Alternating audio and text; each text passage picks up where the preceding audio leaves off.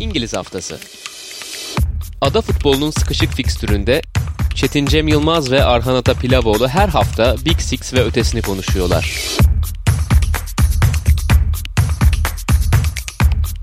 StatsBomb işbirliğiyle. Sokrates Podcast'te İngiliz haftasına hoş geldiniz. Ben Çetin Cem Yılmaz, Arhan Atapilavoğlu ile beraber Premier Lig'in birazcık Avrupa arenasına taşan takımlarını konuşacağız. Daha doğrusu taşan gündemini konuşacağız. Yarı finallerde hem Avrupa Ligi hem Şampiyonlar Ligi'nde 4 tane İngiliz takımı yoluna devam ediyor. Biz de Premier Lig'de biraz FA Cup dolayısıyla hafta sonu fikstürü birazcık gevşemiş de hafta içine de kayan bir fikstür var. Dolayısıyla biz programın gününü de değiştirmemek adına ve birazcık da aklımızda olan Avrupa gündemini konuşmak adına böyle bir program yapalım dedik. Dediğimiz gibi Manchester City, Chelsea Şampiyonlar Ligi'nde, Manchester United ve Arsenal da Avrupa Ligi'nde yoluna devam ediyor. İngiltere son 8'e 4 tane takımını sokmuş durumda. Bu kulüplerin şanslarını hangisi sonuna kadar devam edebilir? İki tane İngiliz takımı yine kupayı kaldırabilir mi? iki sene önce Liverpool ve Chelsea'nin yaptığı gibi bir süper kupada karşılaşacak şekilde karşılaşabilirler mi? Bunları konuşalım dedik. Önce aslında hani belki kısaca şeylerden de bakabiliriz de hani Chelsea e, Şampiyonlar Ligi'nden başlayalım. Chelsea Real Madrid'le Manchester City'de Paris Saint Germain'le eşleşti. Biraz tek tek gidebiliriz. Manchester City hem bu sezonki formunun etkisiyle hem de yıllardır hep Guardiola'nın eksik parçası olarak görülen, Manchester City'deki eksik parçası olarak görülen Şampiyonlar Ligi konusuyla birazcık daha öne çıkıyor. Onları konuşalım istersen. Manchester City'yi belki Dortmund karşısında nasıl buldun? İki maçta da dönem dönem zorlandılar fakat kazanmayı başardılar ve Paris Saint Germain gibi oldukça güçlü ve enteresan yine Pochettino takımıyla karşılaşacaklar. City'nin kupadaki şansını nasıl değerlendiriyorsun? Bu bahsettiğim başlıklara da istersen değinebilirsin. Abi ilk önce Dortmund ayağıyla başlayayım kupanın. Yani Manchester City uzun zamandır zaten yarı finale çıkamıyor. Guardiola döneminde hiç çıkamadı. Ki aynı zamanda Guardiola'nın da kişisel olarak artık bir psikolojik savaş verdiği bir kupadan bahsediyoruz. Yani taktiksel olarak değil işin artık psikolojik tarafını yönetmesi biraz daha önemli hale geldi bence son zamanlarda. Hatta Dortmund ilk golü bulduğunda ikinci maçta yüzünde bir ifade vardı ve onu Guardiola'nın suratında çok fazla görmezsiniz. Sinirlenir, şaşırır ama ne yapacağını bilememek gibi bir yüz ifadesi pek rastladığımız bir yüz ifadesi değildi. Genelde golden sonra hemen kulübeye gider, su içer ve hani hemen sonraki aksiyonu düşünür Guardiola ama bu maçta o tedirginliği açıkçası ben biraz hissettim. Çünkü dediğim gibi psikolojik olarak ya daha taze Lyon maçın üstünden de çok uzun zaman geçmedi. Orada da mesela ilk golü yedikten sonra tepe taklak giden bir 90 dakika vardı. O yüzden Pep Guardiola'nın şu sıralarda verdiği savaş Şampiyonlar Ligi'nde bence taktiksel olarak değil psikolojik olarak ilerliyor. Dortmund karşılaşması da özellikle iki maçta da bence çok güçlü bir City yoktu. Yani oyun olarak da yapı olarak da City'nin çok akışkan, çok rahat bir şekilde 2-90 dakika, 180 dakika geçirdiğini söylemek bence biraz zor. Çünkü özellikle ikinci maç hiç anlamlandıramadığım şeyler vardı sahada. Genellikle Guardiola'nın takımlarında genişliği beklerden aldığını görmeyiz. Daha çok kanatlar genişliği sağlar ve bek oyuncuları ya stoperde bekler Kyle Walker gibi ya da orta sahada sahte bek gibi. İşte Fabian Delph'le başlayan şu anda Cancelo'nun mükemmelleştirdiği o düzeni izleriz. Ama mesela Dortmund maçında genişliği veren oyuncular beklerdi. E, Cancelo'da, pardon Zinchenko'da, Kyle Walker'da genişliği sağlıyorlardı ve bu aslında dediğim gibi görmeye alışkın olmadığımız bir yapı olduğu için City'de de çok rahat bir şekilde işleyen bir oyun yoktu bence Dortmund maçında. Özellikle Dortmund'un sağ kanadını yani City'nin sol kanadını işlemeye çalıştı Guardiola. Fakat orada Foden'la e, Zinchenko'nun zaman zaman çakıştığını ve çok da akışkan bir oyun olmadığını gördük belli yerlerde. Orada o yüzden ben ikinci yarı acaba bir Jesus hamlesi gelir mi diye düşündüm. Çünkü kanattan merkeze doğru çok iyi koşular yapabilen bir oyuncu. Evet Foden da yapıyor ama o daha çok geniş kalabiliyor Cesus'a nazaran. Her ne kadar içeri o da girse de. Bu yüzden o Cesus'un yarattığı alanda Zinchenko'nun koşularını görebilir miyiz diye düşünüyordum ama o da gelmedi. Fakat Tabi penaltı üstüne gelen bireysel bir beceriyle gelen Foden'ın golü tamamen Guardiola rahatlattı ama o penaltı gelmese Emre Can'dan işler o kadar da rahat bir şekilde ilerlemiyordu City adına ve dediğim gibi o Lyon maçında olduğu gibi farklı noktalara taşınabilirdi olay ve yine City'nin elendiğini ve yine Guardiola'nın yani medyada başarısız olarak lanse edildiğini görebilirdik. Öyle bir şey olmadı. O yüzden açıkçası bence önemli bir eşik bu. Yani kötü kötü demeyeyim ama çok iyi oynamayarak, iyi oynamayarak da bir turu geçebilmek bence Guardiola'nın ihtiyacı olan bir şeydi. Çünkü bu zamana kadar her zaman iyi oynayıp kaybetti. Özellikle son senede çok iyi oynamadan kaybedince tamamen psikolojik bir şeye dönüşmüştü olay. Kötü oynayarak kazanınca en azından onu biraz o ölü toprağı üstünden atmış oldu bence. Paris eşleşmesini de senin yorumlarından sonra konuşalım istersen abi aslında tam Emre Can hikayesine de şey yapacaktım. Dediğin gibi City çok parlak görünmüyordu. Bir de hani çok da güzel bir golle geri de düştüler. Yani Dortmund'un istediği gibi gidiyordu. Devreye de bir sıfır girmişlerdi. Hani Monopoly'de bir şey vardır ya o jail free hapishaneden kurtulma kartı vardır. Gerçekten Emre Can o kartı sağladı. Yani o dakikalarda golsüz geçseydi City'nin risk alması gereken dakikalarda başka bir oyun çıkabilirdi ortaya. Biraz oradan kurtarmış oldu Emre Can'ın hamlesi iki ayakta belki toplamda City hak etmiş oldu ama Dortmund'da yani çok yaklaştı. Böyle hani 51-49 gibi yaklaştı. Biraz ilk baştaki o sayılmayan golü falan da düşününce birkaç noktada o kırılma noktasında şans yanlarında değildi diyebiliriz veya da işte bireysel hatalar da diyebiliriz. O çünkü ilk maçın son dakikasında Foden'ın hem yeteneğiyle hem de birazcık da savunma hatalarıyla, savunmanın gafletiyle buldukları, boşlukla buldukları bir goldü. Bütün bunlara baktığımızda evet Manchester City adına psikolojik olarak önemli bir eşikti bence de. Biraz kadro olayına açıkçası hani Chelsea ile oynadıkları FA Cup maçında düşününce acaba Guardiola böyle iki kupayı da götürebilmek için maç yönetimi mi yaptı demeden edemedim. Çünkü bir maçta işte Sterling'i Gabriel Jesus'u kullanmadı. Yani Dortmund maçında onlarla başlamadı. Diğer tarafta Chelsea maçına bu isimlerle başladı ama İlkay'ı kenarda tuttu Cancelo ile başladı. İşte Sterling ile Gabriel Jesus'la başladı falan. İki maç arasında böyle geçişkenlikler sağlayarak acaba işte dediğim gibi kadro yönetimi yapmayı mı denedi? Skor olarak Dortmund maçını kazandı. Chelsea maçını kaybetti ama totalde iki maçta da çok açıkçası hani bildiğimiz City çizgisinde değildi. Bu anlamda dikkat çekici geldi bana. Ama bundan sonra neredeyse tek hedef Şampiyonlar Ligi olacak gibi. Gerçi bugün oynanan maçtan sonra puan farkı 8'e inmiş durumda. Yani 6 maç kala çok kapanmaz bir fark değil. Hani ama önemli bir kredi ama yine de Manchester City için tamamen lig bitti diyebileceğimiz bir nokta da değil ama yine de en önemli de şüphesiz Paris Saint-Germain eşleşmesi olacak. Paris Saint-Germain açısından bakarsak yani Pochettino'nun varlığı orada ilginç bir psikolojik faktör olacak bence. Çünkü Tottenham'da olduğu dönemde de sadece Şampiyonlar Ligi'nde değil ligde de Manchester City'ye diş geçirmeyi başaran hocalardan bir tanesiydi Pochettino. İşte zaman zaman çok enerjik bir pres futboluyla zaman zaman çok kapanıp hani böyle topu %70 falan bırakıp çok kontrataklarla yıkıcı oldukları maçlara kadar çok farklı oyunlar sergilemişti ve oldukça da başarılı olduğu maçlar hatırlıyoruz Pochettino'nun. Bu anlamda ilginç bir eşleşme olacak.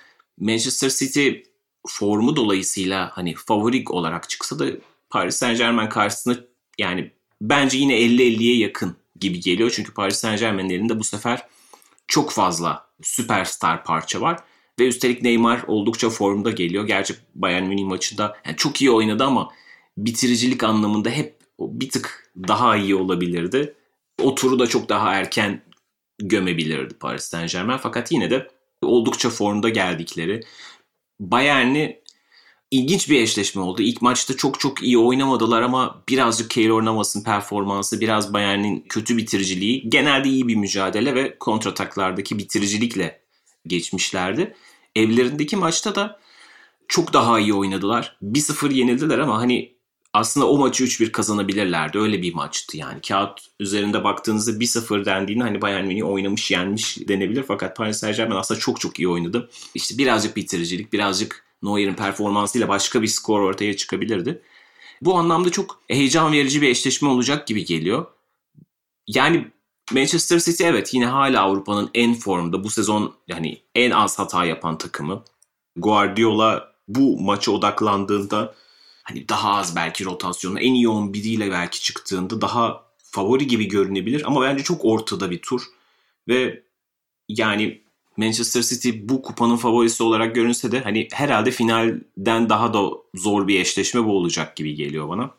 Hani birazdan hangi takım daha çok ilerler, final tahminleri falan gibi yaparız ama bu yarı finalin açıkçası biraz içinden çıkmak zor gibi geliyor bana. Sana nasıl görünüyor?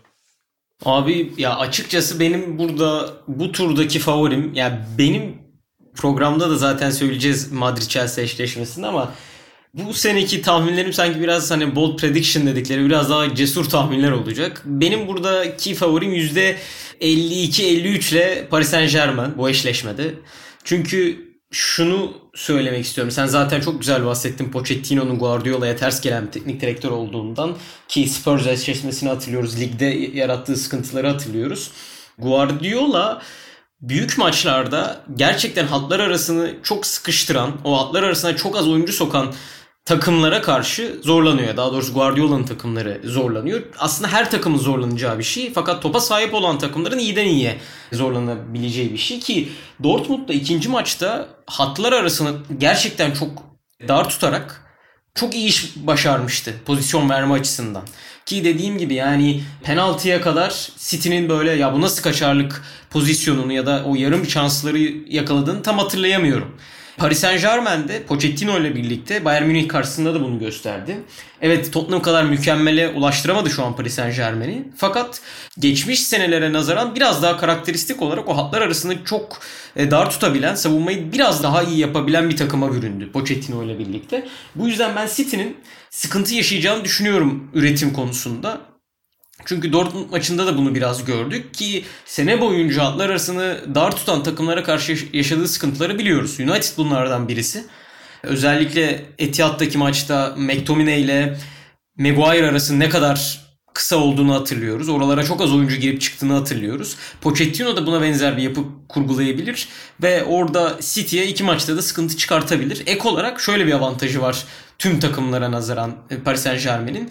Ya bunu yaparken ya biraz daha orta blokta, biraz daha derin blokta beklerken ya topu bir Mbappe'ye atıyorsunuz zaten. Geniş alanda şu an belki dünyanın en formda oyuncusu. Geniş alan gerçekten inanılmaz hızlı, gerçekten inanılmaz bitirici ve geniş alana oyun yığıldığında 40-60 metrede oynamaya başladığında City'nin ne kadar çok sıkıntı çektiğini daha Leeds maçında gördük. Bu yani Guardiola takımlarının en büyük kanayan yarası. Oyun yapısından dolayı. Guardiola bunu çözemediği için değil. Yani bu oyunu oynuyorsunuz. Böyle bir defosu var bu oyunun. Bunu da çözemiyorsunuz. O yüzden Paris Saint Germain bence ters gelebilecek bir takım City'ye. Özellikle Pochettino olduğu için söylüyorum bunu ama. Mesela Tuchel Paris Saint Germain'in başında olsaydı bence City %51 daha avantajlıydı. Fakat şu an Pochettino'nun topu biraz daha bırakan, topsuz oyunu geliştiren bir yapıya sahip olması işte dediğim gibi o sıkıntıları bence City açısından doğuruyor. Mesela Tuchel olsaydı topu kim alacak diye konuşurduk aramızda. Muhtemelen City alırdı evet ama arada öyle çok büyük farklar olmazdı. En fazla 55-45, 51-49 gibi şeyler görürdük. Fakat şimdi Muhtemelen Pochettino 35-40'larda oynayacak. Dediğim gibi topu reddedecek. O geniş alanları Neymar'la Mbappe ile kovalamaya çalışacak. Yeri geldiğinde Di Maria ile kovalamaya çalışacak. Ve City'nin tam olarak zıttır bir takım hüviyetine bürünecek. O yüzden dediğim gibi evet City tabii ki çok avantajlı belli noktalarda. Tabii ki çok yarı yarıya oyun ama eğer bir favori çıkartacaksak ben %52 %53 Paris Saint Germain'in bir tık daha avantajlı olduğunu düşünüyorum. Şu yüzden de Pep Guardiola ana planına çok inanan bir hoca. Değişiklik yapmayan bir hoca ve Dortmund maçlarında da gördük ki bunu. O ana plan hatta geçtiğimiz günlerde oynanan FA Cup maçında da gördük ana plan işlemediği anda, o konfor alanını yaratamadığı anda Pep Guardiola saha içerisinde ondan hemen dönebilen bir isim değil. Hemen bir değişiklik yapıp 30'da 40'da ya da ilk yarının sonunda onu çıkartayım bunu alayım yapıyı biraz değiştireyim diyen bir hoca değil. O yüzden o işlemediği her dakika Paris Saint Germain biraz daha işine gelecek. Çünkü City savunma hattını biraz daha öne çekecek ve bu da ne demek oluyor? Geride daha çok geniş alan bırakacak anlamına geliyor ve Paris Saint Germain'in City'nin daha çok canını yakabilecek alanlara sahip olacağı anlamına geliyor. Bakalım dediğim gibi daha maçları görmeden konuşmak biraz zor ama bir tık önde görüyorum ben PSG'yi. Eşleşmenin yani daha doğrusu yarı finalin diğer tarafına da bakalım. Real Madrid, Chelsea yani bu sezona iki tane ikisi de çok iyi başlamayan iki büyük takım ve ikisi de Hani sene başında herhalde hiç kimse özellikle işte Real Madrid'in Shakhtar'dan 4 gol yediği güne dönsek ya da Chelsea'nin Frank Lampard'da problemler yaşadığı güne dönsek iki takımın da yarı finale geldiğini hayal etmek zor görünürdü. Hadi Real Madrid tabii ki bu kupanın en büyük takımı, gediklisi. Hadi Real Madrid bir şekilde buralara gelebileceğini tahmin ederdik ama Chelsea'nin buraya kadar bu şekilde gelebileceğini herhalde tahmin etmek biraz daha zor olurdu. Atletico Madrid ve Porto gibi iki tane önemli takımı geçmeyi başardılar. Real Madrid'de özellikle Liverpool eşleşmesinde hani gerçekten bir hani statement yaptı desek yeridir. Atalanta gibi yine son yılların çıkıştaki bir takımını da elediler. Fakat Liverpool'u yani kaliteyle değil sadece oyun aklıyla da yenmeleri etkileyiciydi bence. Bu taraftan tabii hani asıl konumuz biraz daha Chelsea olacak ama bu sezonun iki tane hani böyle sleeper hit denen bir şeyi vardır. Hani genelde kimse tahmin etmez ama çok fazla gişe başarısı yakalar sonra bazı filmler işte. Bu sezonun iki tane sleeper hiti gibi görünüyor. Çok büyük kadrolar, çok büyük bütçeler, çok büyük isimler olmasına karşın 3-4 ay önce çok tahmin etmediğimiz takımlar yarı final oynayacaklar. Chelsea tarafından önce dediğim gibi ben bir Real Madrid'e de çok kısa değinmek istiyorum. Çünkü Real Madrid'in Liverpool'u elediği iki maçta dediğim gibi Liverpool'un zaaflarını çok iyi etüt eden hani takım anlamında gerçekten çok tecrübeli bir takım olduğunu her dakikada hissettiren ve neredeyse 180 dakikanın hiçbir anında bu tur sıkıntıya düşmeyecek dedirten bir Real Madrid vardı. Hani hiç o direksiyondan inmediler. İkinci maçın ilk dakikalarında Liverpool'un yaşattığı bazı tehlikeler vardı. Belki ilk 5-10 dakika. Fakat Liverpool'un o ceza sahasındaki bitiricilik problemini de birazcık göze alıp onu da hani birazcık orayı tabii ki bıraktılar demiyorum. Fakat riske atılabilecek bir şeydi sanki o ve onu da atmışlardı. Fakat genel olarak orta sahada zaten Casemiro, Kroos bu tura damga vuran oyunlar oynadılar. Hani öndeki gençlerin bazen bitiricilik problemleri işte Vinicius'un falan filan tartışılabiliyor. Fakat Real Madrid işte maçları kazanmayı ve tutmayı çok iyi bildiğini gösterdi. Biraz buradan topu Chelsea'ye atayım. Chelsea son ayların hani en çıkıştaki takımlarından bir tanesi. Belki de Avrupa'da herkes Manchester City, Bayern Münih, Paris Saint Germain konuşuyor ama Chelsea gerçekten çok iyi durumda ve Tuchel görevine geldiğinden beri böylece Simeone'yi yenmiş oldu. FA Cup'taki zaferiyle beraber Guardiola'yı yenmiş oldu. Klopp'u yenmiş oldu ve Jose Mourinho'yu yenmiş oldu. Çok kısa süre içerisinde Chelsea'yi gerçekten bir sınıf atlatmış görünüyor. Bu kadronun hak ettiği, bu kadronun işaret ettiği oyunu oynamaya başlamış görünüyor. Kimi zaman işte topa sahip olma oyunu, kimi zaman daha kontra bir oyun, kimi zaman kontrol oyunu. Bütün bunları gayet iyi başarıyorlar gibi görünüyor. Bu anlamda Chelsea tabii ki tecrübeli isimler de var ama sanki Real Madrid karşısında biraz böyle tecrübeyle gençliğin savaşı gibi olacak. Yani tabii ki Thiago Silva gibi, Aspilicueta gibi tecrübeli isimler de var. Kullanılırsa Giroud gibi. Fakat diğer taraftan işte Havertz olsun, Werner olsun, Mason Mount olsun, görece genç sayabileceğimiz Hakim Ziyeh olsun bunların da yavaş yavaş çıkışta olduğu bir sadece Werner'in aslında yavaş yavaş diğerlerinin oldukça iyi durumda olduğu bir dönemden geçiyoruz. Hani bir anlamda tecrübeyle gençliğin çarpışması olacak gibi geliyor sanki. Orada da topu sana atayım. Bu takımları nasıl görüyorsun? Bu eşleşmeyi nasıl görüyorsun? Abi yani çok güzel bahsettin Real Madrid'den. Gerçekten bu sezon en iyi yaptıkları şey muhtemelen o bahsettiğin oyunu karşı tarafın bir türlü alamayacağı hissini vermeleri. Bunu Barcelona maçında da yaptılar bence 2-1'lik.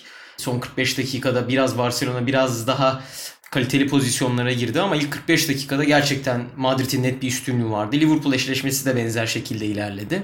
Ama yine benim burada cesur bir tahminim var. Ben de burada Chelsea'nin biraz daha avantajlı olduğunu düşünüyorum. Tabii ki Real Madrid buralara geldiyse genellikle finale çıkıyor ve finale geldiyse de genellikle o kupayı kazanıyor.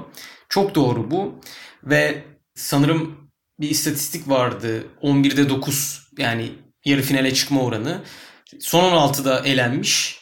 Onun harici zaten hep yarı finalleri görüyor Madrid. İnanılmaz bir istatistik. Buraları çok çok iyi oynayan bir gelenek adeta. Farklı kadrolar olur. Bazen gidersiniz çıkarsınız iyi işler yaparsınız ama o kadrolar da değişiyor. Ona rağmen e, buralara geldiğinde çok başarılı olabilen bir takım. Fakat ben Chelsea'nin onlara zıt gelebilecek bir takım olduğunu düşünüyorum. Tıpkı City'nin Paris Saint Germain'de olduğu örnekteki gibi. Çünkü E, Madrid bu zamana kadar elediği takımlar mesela Liverpool bakıyorsunuz topa sahip olan, topu domine eden ve önde oyunu oynamaya çalışan bir takım. El Clasico'da 2'de 2 yaptılar. Bakıyorsunuz Barcelona yine Liverpool kadar olmasa da baskısı baskı yapan ve topa sahip olan bir takım. Ama Madrid Zidane'la birlikte yani tabii ki kendinden görece küçük takımlara karşı topu alıyor. Zaten almak zorunda. Ama büyük maçlarda o presi çok iyi kurgulayabilen bir takım oldu. Bu yüzden de ben Chelsea'nin onlara biraz zıt gelebileceğini düşünüyorum şu açıdan. Yani örneğin City gelseydi ben Madrid açısından iyi bir eşleşmeydi derdim. Çünkü City tıpkı Liverpool gibi, Barcelona gibi topu alan ve set hücumunu oynamaya çalışan bir takım ve az önce dediğim gibi set hücumundaki presleri, bölge bölge presleri çok iyi yapıyor Real Madrid Zidane'la birlikte. Ama Chelsea tıpkı aslında Real Madrid gibi büyük maçlarda topu inanılmaz derecede bırakmıyor Madrid kadar. Ama bıraktığı anlarda inanılmaz şekilde kompakt kalabilen ve savunmasını çok iyi yapabilen bir takıma büründü Thomas Tuchel'le birlikte. E, bu da aslında benzer iki oyun yapısının çarpışması anlamına geliyor. Fakat Chelsea'yi bence Madrid'den ayıran bir nokta varsa o da şu. Topu aldığında çok daha fazla üretim yapabilen bir takım Chelsea. Madrid'e nazaran ki Premier Lig'de de bunu görüyoruz. Bu bence e, Chelsea'nin bir avantajı Madrid'e nazaran. Yani muhtemelen topu evet alacak ama o Madrid'in sunacağı baskılara karşı aslında biraz daha diğer takımlara karşı donanımlı Chelsea. Farklı bir enstrümana sahip o açıdan. O yüzden Chelsea'nin yine Paris Saint Germain City eşleşmesinde olduğu gibi bir ihtimal vereceksem %52-53 önde olduğunu düşünüyorum. Thomas Tuchel bakalım güzel de bir hikaye olur aslında finalde Paris Saint Germain Chelsea eşleşmesini görürsek. O yüzden dediğim gibi eğer bir ihtimal vereceksek bir tık Chelsea daha önde bence. Ben de açıkçası buna katılıyorum. Yani birazcık Chelsea'nin hala bazı işte arızaları olduğunu görsek de büyük maçları şu dakikaya kadar oldukça iyi oynadıklarını gördük geçtiğimiz 3 ay içerisinde Tuchel e, yönetiminde. Real Madrid'in de ne kadar etkileyici bir performans çıkardılarsa da bazı zaafları da var gibi göründü. Liverpool bunları çok iyi sömüremedi diyebiliriz. Fakat bu sefer Tuchel bunu daha iyi değerlendirebilir. Elinde çok daha alternatifli bir kadro da var. Aynı zamanda gerektiğinde hani bazı bitiricilik sorunları da yaşıyorlar zaman zaman onlar da. Tabii ki birazcık Timo Werner kaynaklı. Ama bazen de çok yıkıcı olabiliyorlar ve oyunu daha uzun bölümlerde tutabiliyorlar. Bu da dikkate değer bence söylediklerinin üzerine. Yani Chelsea'nin Porto eşleşmesinde 90 dakikaları izlemedim açıkçası. Fakat Chelsea'nin son 3 aydaki hani onun dışındaki bütün önemli maçlarını hatta neredeyse bütün maçlarını izledik ve özellikle FA Cup'taki son hafta sonunda oynadıkları maçla bence gerçekten bir eşiği de aştıklarını gösterdiler. Yani Manchester City sonuçta İngiltere'de son yılların, son 4 yılın belki de Guardiola'nın City'si. Hani bu işin standardı, çıtası. Ve bir yarı final maçı yani iddiasız bir maç değil. Bir yarı final maçını böylesine tırnak için domine etmeleri etkileyiciydi. Hani topa sahip olma anlamında domine etmediler ama oyun istedikleri gibi oynandı. Yani Manchester City'ye istedikleri alanları gösterdiler. Onları istedikleri alanda tuttular. Baskıyı bir de enteresan şekilde mesela Ederson da yoktu. Baskıyı çok daha önde kurabildiler ve City'nin istediği şekilde o yerleşmesine hiç tam izin vermediler.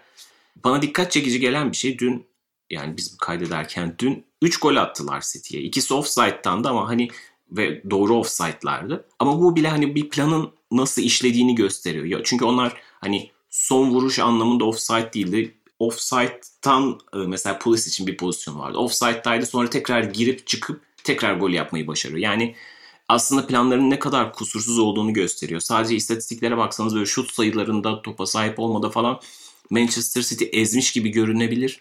Fakat oyunun başından itibaren Chelsea kendi damgasını vurdu maçı. Bence bu çok etkileyiciydi. Yani bunu City gibi bir takıma karşı yapmak, bunu yıllardır hani farklı personellerle de olsa hep yapan bir takıma karşı yapmak. Az önce söylediğin şey çok iyiydi. Hani o, o da biraz kendisini belli ediyor.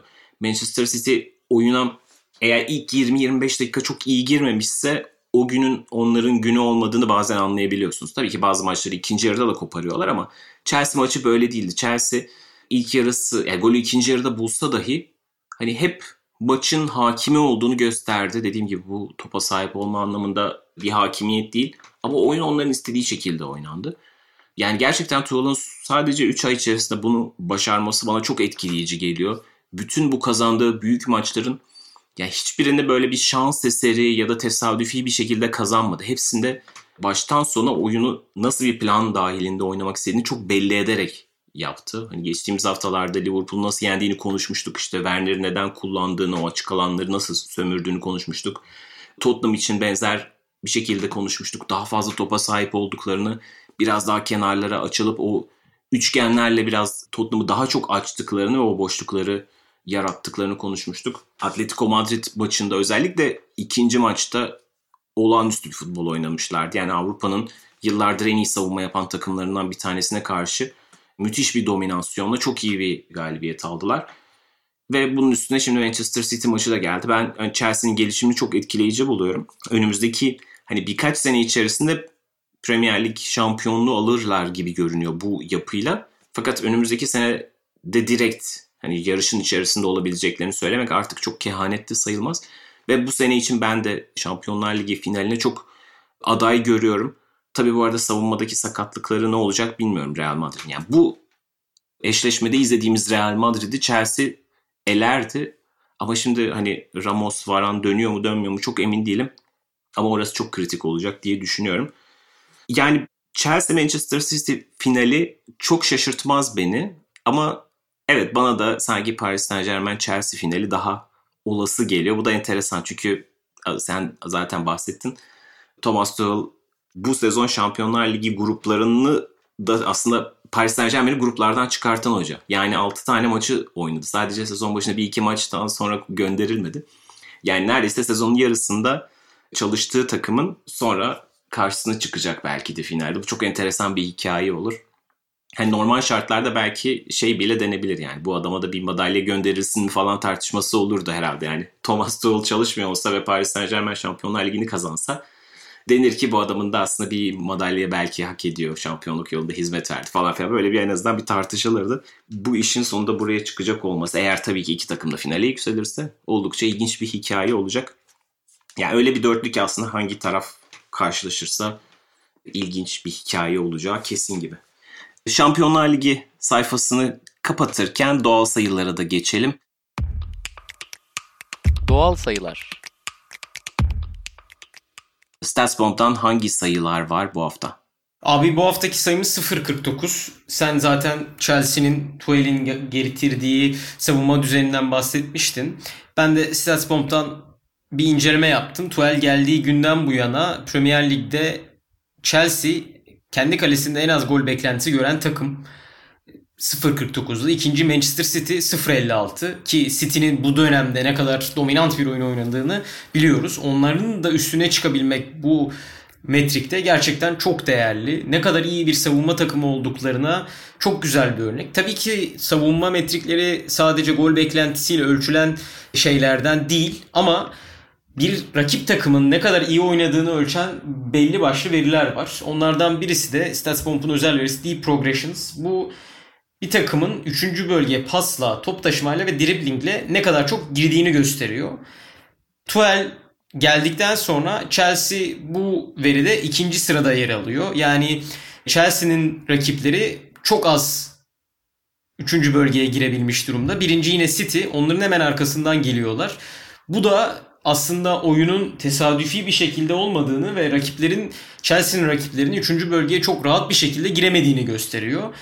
Ve bir veri de aslında Şampiyonlar Ligi ile bağlamak istediğim için bu veriyi seçtim. Kontra atak şutlarında rakiplerinin kontra ataktan doğan şut çekmelerinde Chelsea 3. sıra pardon 2. sırada e, lider Manchester United 0.42 ikinci Chelsea 0.50 bu da aslında Real Madrid'in hani oyun yapısını ters gelebileceğini konuşmuştuk Chelsea'nin. Orada da açıkçası kontra ataktan bulabilecekleri şutlarda Chelsea yine orada iyi bir savunma yapısına sahip bir takım. Bu da değerli. Gerçekten mükemmel bir kısa vadede yapı kurdu Thomas Tuchel. Bunu çok fazla hoca başaramaz. Özellikle Tuchel gibi idealist teknik adamlar zaten aslında sezon ortasında takım seçmezler. Ama Ocak'ta gelip bunları başarmak, ocağın sonunda gelip bunları başarmak çok değerli. O yüzden gerçekten şapka çıkartmak gerekiyor Thomas Tuchel'e ve ters gelebilecek oyun yapısıyla, bahsettiğimiz metriklerle gerçekten Şampiyonlar Ligi'nde e, finali görmesi de aşırı büyük sürpriz olmaz sanırım. Evet gerçekten bir teknik adamın bu kadar kısa sürede bir takıma etki ettiğini görmek azdır. Yani çok sık konuştuk ama yani şu oluyor evet mesela işte Chelsea'nin eski kadrolarında birazcık daha veteran ağırlıklı süperstarlarla dolu kadrolarında bunu gördük. Real Madrid'in bazı kadrolarında gördük. Bayern Münih'te gördük. İşte bir yıldızlarla dolu bir kadro. Bazen bir hoca işte bekleneni veremiyor falan. Yeni bir hoca geldiği anda sonuçlar hemen kendisini gösteriyor. Doğru. Ama Chelsea gibi bu henüz hiçbir yapının oturmadığı, görece yeni kurulmuş son bir buçuk senelik bir kadro diyebiliriz. Böyle bir kadroda bunu yapabilmek gerçekten çok etkileyici. Çok kısa süre içerisinde bir yapı kurabilmek. Etkilerinde bakalım görmeye devam edecek miyiz sezonun son düzlüğünde. Avrupa Ligi'nde de iki İngiliz takımı yarı finalde Manchester United Roma ile Arsenal'de Villarreal ile oynayacak. Arsenal Villarreal eşleşmesi tabii Unai Emery tarafından enteresan.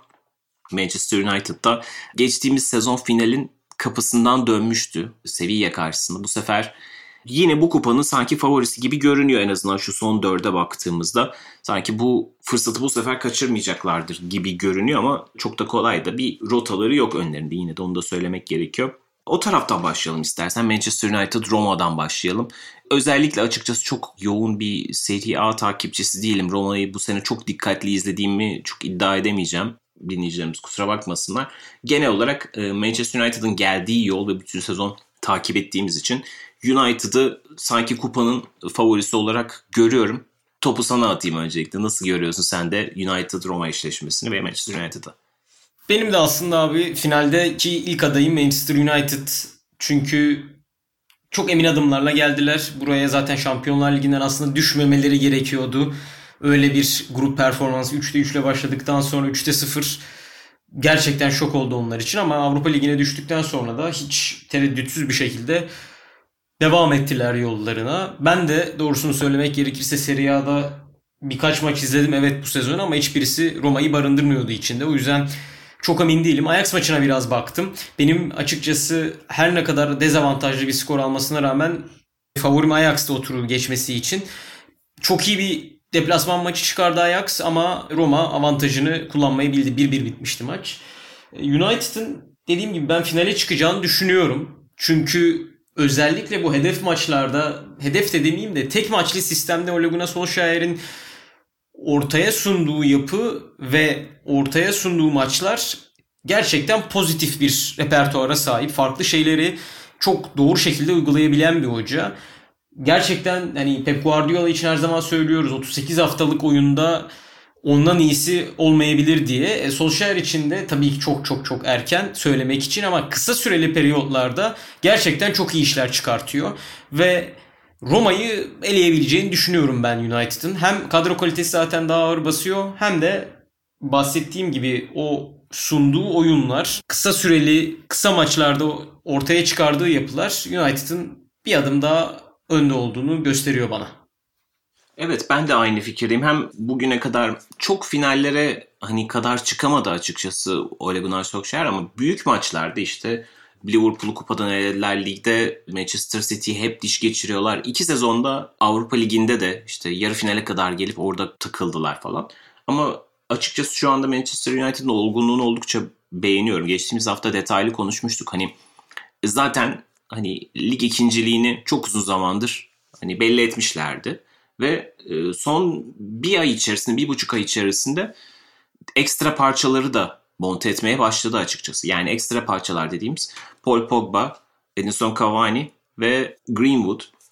Hani bunlar tabii ki çok özel oyuncular. Greenwood da geçtiğimiz sezonun sonundaki performansıyla zaten potansiyelini belli etmişti. Fakat bu sezonun çok uzun bölümlerinde pek bekledikleri, vaat ettikleri katkıyı vermemişlerdi.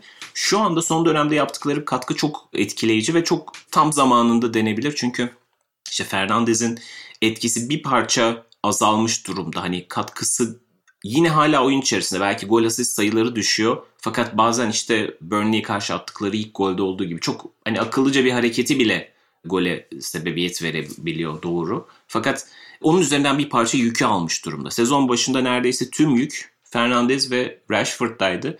Şu anda bu ikili sezon başındaki formlarının bir tık altındalar ama Manchester United ritminden bir şey kaybetmedi çünkü bu sefer de Pogba, Greenwood ve Cavani devreye girmeye başladı. İşte Martial'den tam bu sezon boyunca neredeyse hiç faydalanamadıkları için orada problemi yaşıyorlardı.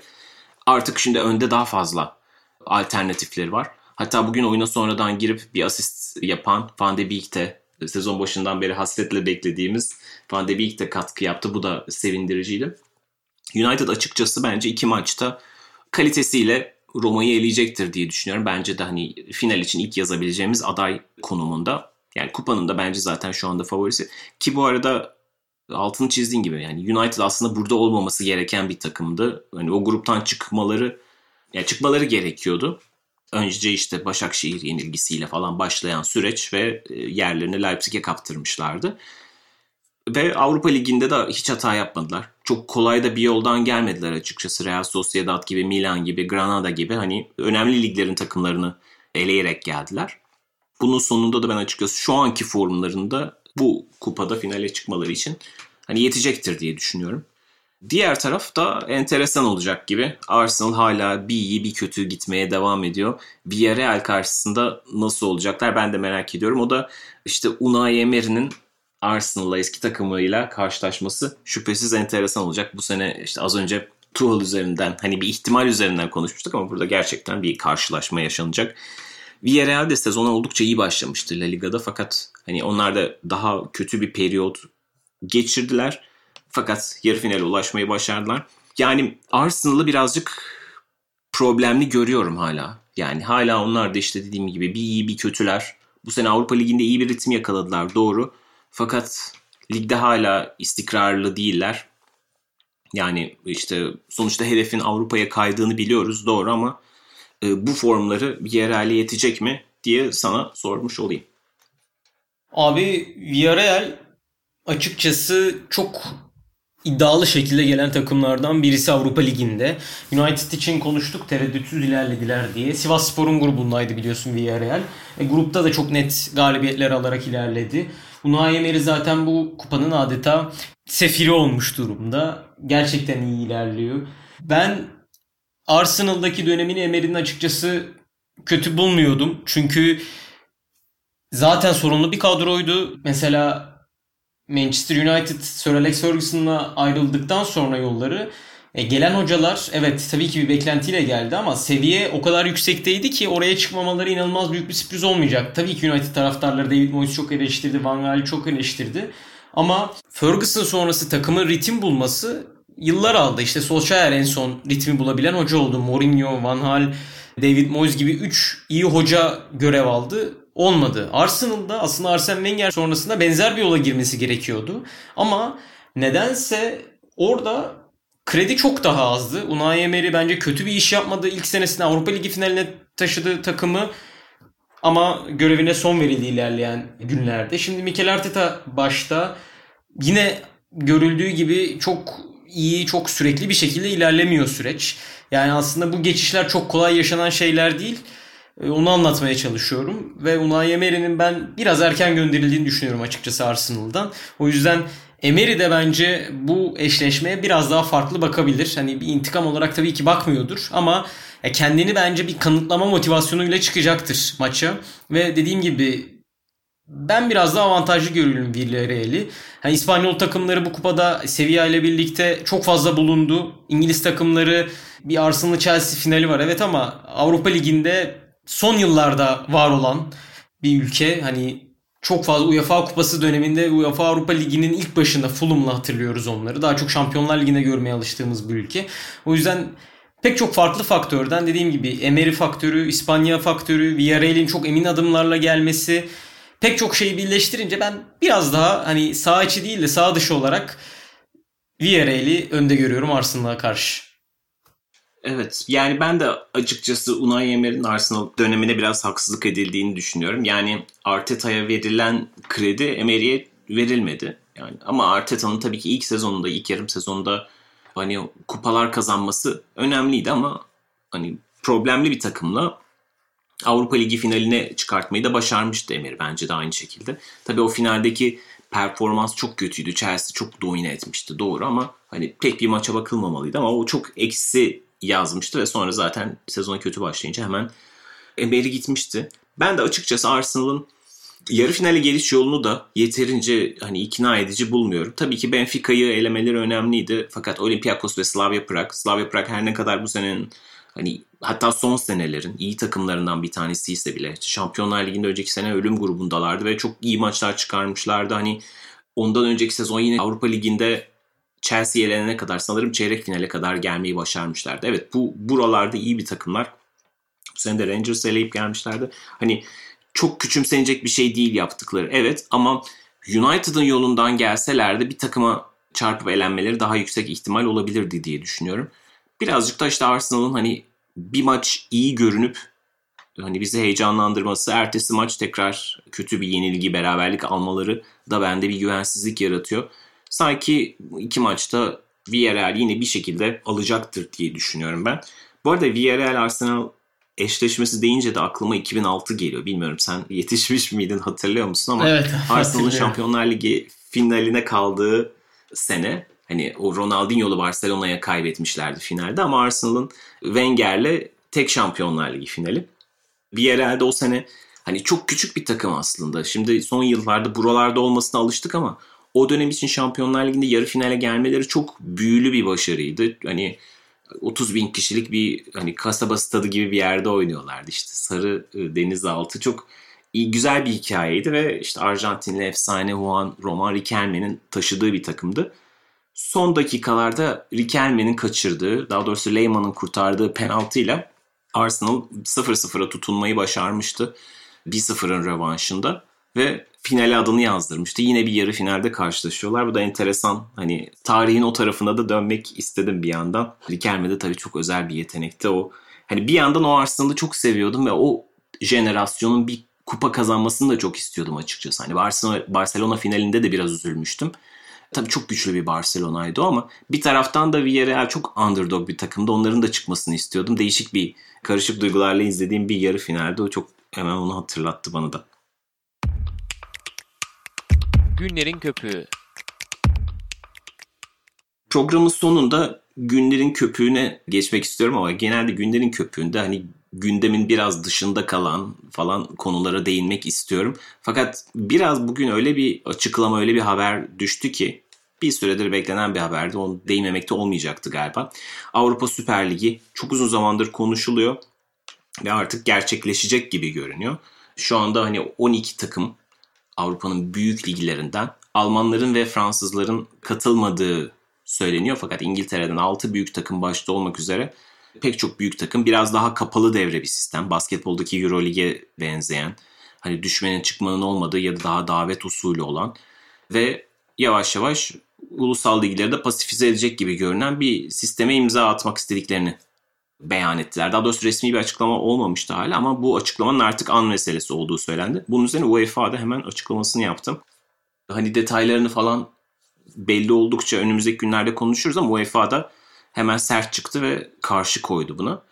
Bir yandan tabii taraftarlar nezdinde çok fazla tepki var. Bir yandan bu da kaçınılmaz görünüyordu. Çok uzun zamandır kulüplerin özellikle işte Manchester United, Liverpool, Manchester City falan böyle büyük takımların ve aynı zamanda işte Juventus, Real Madrid, Barcelona'nın da başını çektiği bir diğer grubun böyle bir kopuş ligi kurmak istediği söyleniyordu. Bu bir yandan işte hani kapitalizmin, futbolun geldiği noktanın endüstrileşmesinin kaçınılmaz bir boyutu gibi görünüyor ama bir yandan da çok futbolun ruhuna dair kalan son kırıntıların da ölmesi gibi bir tarafı da var gibi görünüyor. Özellikle çıkan tepkiler arasında Gary tepkisi çok etkileyiciydi. Hani e, çok sert bir açıklama ve onu çevirerek benim de duygularımı özetlediği için söyleyebilirim. Midem bulanıyor diyor. Gerçekten midem bulandı. En çok da Manchester United ve Liverpool'dan midem bulandı diyor. Buna da katılıyorum aynı şekilde. Liverpool kendisini halkın kulübü olarak konumlandırıyor. İşte You'll Never Walk Alone'u ortaya koyuyor. Kendisinin taraftarların kulübü olduğunu söylüyor. Manchester United 100 yıllık tarihi işte işçi kulübü olduğunu söylüyor ve sonra da bir rekabetin düşmenin çıkmanın olmadığı bir lige katılmak istediklerini söylüyor. Bu gerçekten yüz karası bir durum diyor. Kesinlikle katılıyorum. Yani hani her kulübün para odaklı daha fazla para kazanabileceği, kendi değerlerini başka kurumlarla burada UEFA daha az paylaşacakları, kendilerinin patronu olacakları bir düzen kurmaya çalışıyorlar. Doğru. Ama bu yani her kulüp bunu düşünüyor. Ama en çok da açıkçası gücünü taraftarlarından alması gereken bu iki kulüp beni hayal kırıklığına uğratıyor ve üzüyor açıkçası.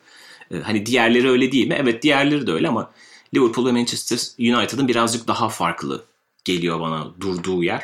Ee, dolayısıyla onların olduğu yer daha hayal kırıklığına uğratıyor. Çünkü neden derseniz Liverpool'un evet bir Amerikalı sahibi var. O da ondan önce de Amerikalı sahipleri vardı ama 2008'de başlayan bir süreç bu. Liverpool 2008'e kadar yine kendisini şehrinden gücünden alan bir takımdı. Manchester United çok önce bir global güç oldu ama Manchester United da global bir marka olmasını taraftarlığına borçlu. Yani Manchester United Amerikalı sahipleri olduğu için uzak doğuda çok büyük bir kulüp olmadı. Çok köklü ve başarılı bir kulüp olduğu için, çekici yıldızları olduğu için, etkileyici bir stadı olduğu için dünyanın dört bir yanında ilgi çekti. Dolayısıyla gücünü yine bir şekilde taraftarlarından aldı. Yani açıkçası bir taraftan çok doluyum bir taraftan da konuşsak neye yarayacak? Hani sussak gönül razı değil gibi bir durum ama e, söylemeden de edemedim. Abi ya aslında çok da fazla söylenecek bir şey yok. Dediğin gibi tamamen farklı amaçlarla düzenlenen bir şey. Hani aslında 12 elit kulübün birbirleri arasında yapacağı maçların iyi olacağı varsayılıyor ama kesinlikle öyle değil. Zaten bence bunun en iyi örneklerinden birisi Barcelona Juventus maçı bu seneki çok büyük şeyler vaat etmediler.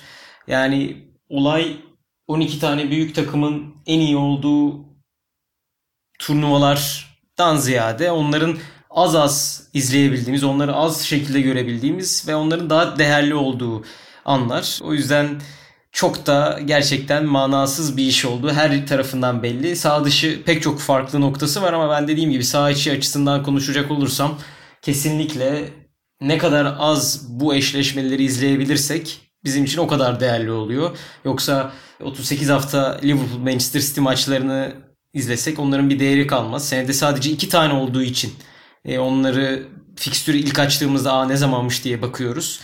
Bu açıdan bile ne kadar saçma bir iş oldu aslında belli ki sağ dışı olaylarını sen zaten gayet iyi özetledin. Oralara girince pek çok farklı noktada sistemin kusurlu olduğu zaten gözüküyor. Evet çok güzel söyledin. Yani bu maçların özelliği bir yandan işte o climax'e denk gelmesi oluyor. Yani lig açısından ya da işte Avrupa açısından belli bir noktada karşılaşıyorlar bir anlamı oluyor. Fakat sadece işte iddiasız grup maçlarında karşılaşmaların kimseye bir tat vermediğini görüyoruz. Dediğin gibi işte çok hype'la işte Ronaldo ile Messi'nin buluşması olarak sunulan Barcelona Juventus maçları kimseye hiçbir şey vermedi. Fakat bir yandan düşmenin çıkmanın olmadığı bir yapı kime ne kadar keyif verecek? Diğer taraftan asıl bir yandan Premier Lig'de ilk 4 yarışının bile ne kadar heyecanlı olduğunu konuşuyoruz. Bazen ilk 6 yarışının ne kadar heyecanlı olduğunu konuşuyoruz. İşte lige asıl tadını tuzunu veren takımların yani tabii ki Big Six değer yaratan bir grup. Fakat bir yandan da işte bunun Leicester City'si, West Ham'ı, hatta Fulham'ı, Brighton'ı hatta hatta Burnley'si yani ne kadar asıl e, bu işe rengini veren hikayelerin aslında biraz da alttan beslendiğini biliyoruz. Açıkçası işte düşmenin çıkmanın olmadığı kapalı devre bir ligin yani bu yazın oynanan, Amerika'da oynanan şu turnuvalar falan filan var ya onlardan nasıl farklı olacak, nasıl kendini ayıracak e, anlamakta güçlük çekiyorum.